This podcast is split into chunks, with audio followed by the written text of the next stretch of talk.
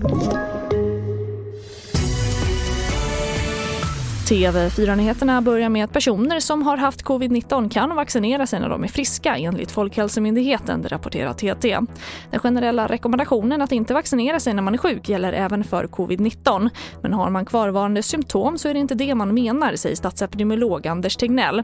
De symptom man framförallt ska vara uppmärksam på är feber eller andra tecken på en pågående inflammation i kroppen, som smärta eller att man rent allmänt mår dåligt. Och enligt transportföretagen är nästan 13 procent av de statliga vägarna i mycket dåligt skick. Och minst pengar går till de vägar som ligger nära mindre orter och i glesbygden.